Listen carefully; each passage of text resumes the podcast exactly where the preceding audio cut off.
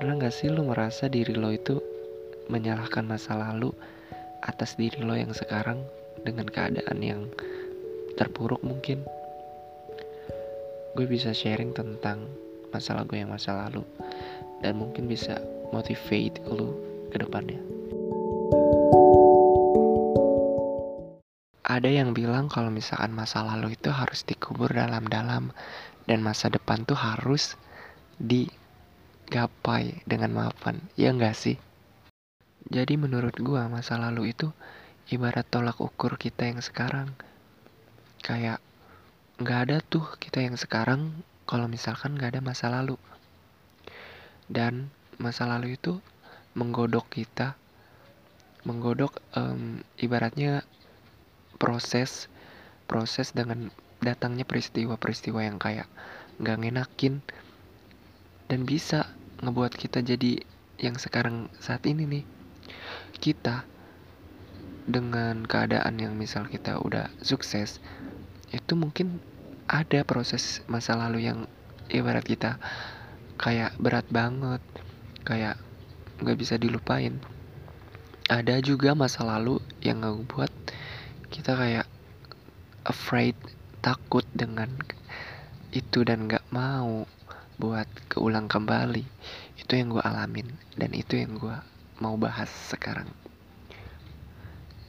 Jadi gini dulu tuh waktu zaman SD karena gue nggak TK ya kan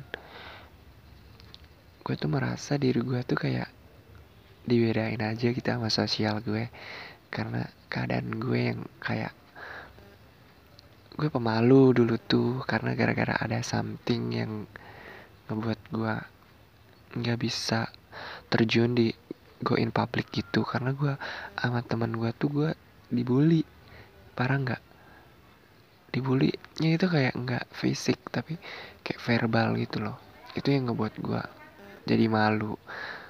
Itu sih sebenarnya yang bikin kita kayak nggak bisa lupa. Karena bulinya itu parah. Misal kita kayak keluar rumah kan gue nih. Keluar rumah terus kan gue emang kayak lemas nggak bisa main bola gitu. Orang-orang tuh bilang kayak gue banci gitu ya nggak sih? Kayak ya ampun ngerasa diri gue tuh kayak dibedain gitu loh. Uh, dan akibat gue malunya itu kayak dulu dikucilkan ya kan? Ih lebay banget nggak sih gue bilang dikucilkan?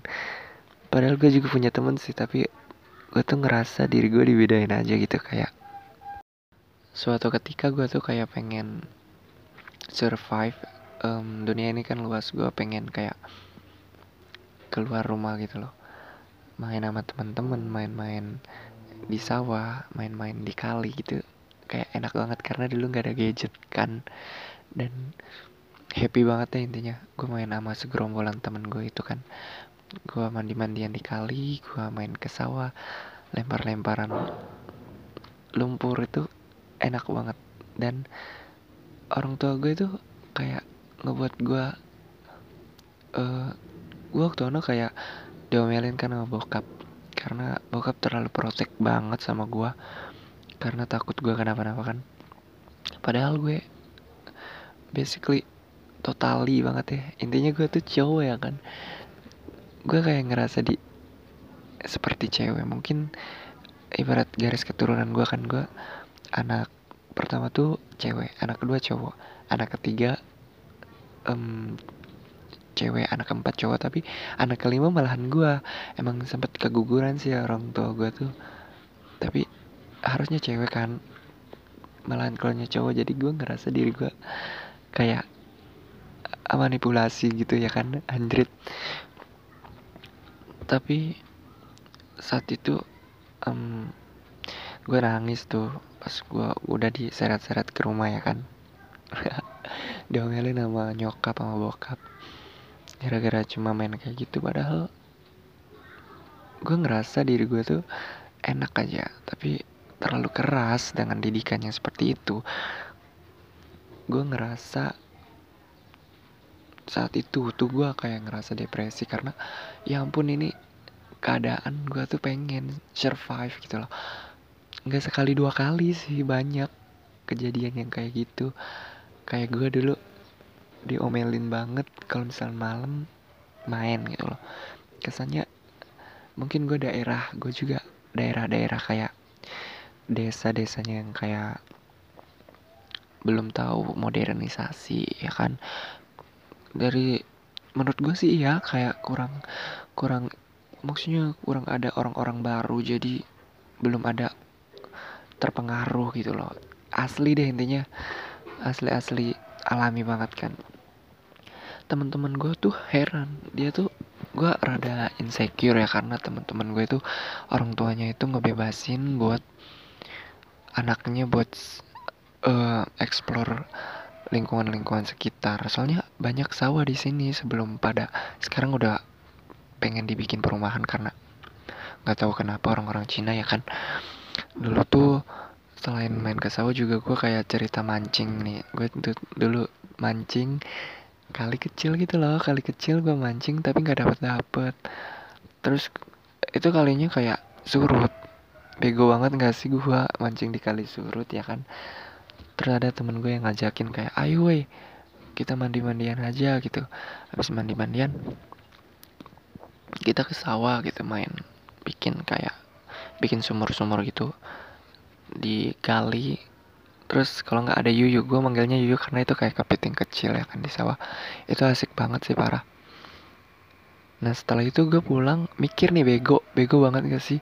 Gue harusnya um, gue tuh harusnya ngebersihin badan gue yang kotor habis dari sawah itu ke kali. Tapi kan kalinya itu itu loh apa namanya surut bego. Gue harus ke mana ini? Gue di situ kayak anjir gue pulang diomelin bokap. Kalau nggak pulang gue malahan lebih diomelin bokap. Jadi gue pulang sama teman-teman gue teman-teman gue pinter tuh. Dia dari rumah dari rumah tapi dari pintu belakang langsung mandi. Gue tololnya itu langsung dari depan rumah. Kelihatan lendong sama nyokap gue nyokap gue marah-marah. Jelas gue dipukulin. Kasar banget gak sih? Terus ada kejadian yang kayak gue tuh dulu tuh pengen karena keadaan ekonomi ya gue tuh pengen jajan misalkan. Tapi jajannya itu nggak diturut-turutin. Gue kayak misalkan minta es krim gue udah nangis ya ampun gue udah nangis parah cuma uangnya nggak dikasih kasih eh ini bentar ada suara pengajian. Banyak kejadian yang ngebuat diri gue tuh sadar. Kalau misalkan pengalaman masa lalu itu ngebuat diri gue sekarang jadi lebih tegar jadi lebih mandiri dan jadi lebih kayak uh, berpikiran luas. Orang tua kayak gitu juga biar anaknya bagus gitu loh pribadinya. Terus pas zaman gue SMP um, bokap gue nggak ada tuh. Gue ngerasa kayak kehilangan aja gitu karena um, perilakuan kasar dari dia tuh jadi hilang. Jadi kayak ngebuat gue nggak merasa takut buat berbuat apa-apa lagi. Tapi gue sadar diri sih. Gue walaupun masih labil gue kayak merasa diri gue tuh harus jadi orang yang berguna. Ngerti nggak? Jadi kayak nggak pengen ngebang eh nggak bang ngebanggain. Maksud gue tuh pengen banget ngebanggain. Um, jadi kesimpulannya uh, dengan pengalaman yang keras di masa lalu itu ngebuat diri gue tegar di saat ini. Gue merasa diri gue tuh um, jadi punya pandangan. Gitu aja sih kayak uh, sekasar-kasarnya orang tua buat anaknya yang terbaik juga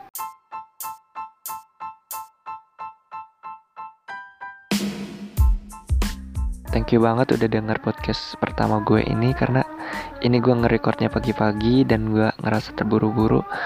Itu aja ceritanya karena ini ada suara pengajian gue ngerasa kayak panas. WK enggak enggak enggak enggak. Thank you. Sampai jumpa di podcast selanjutnya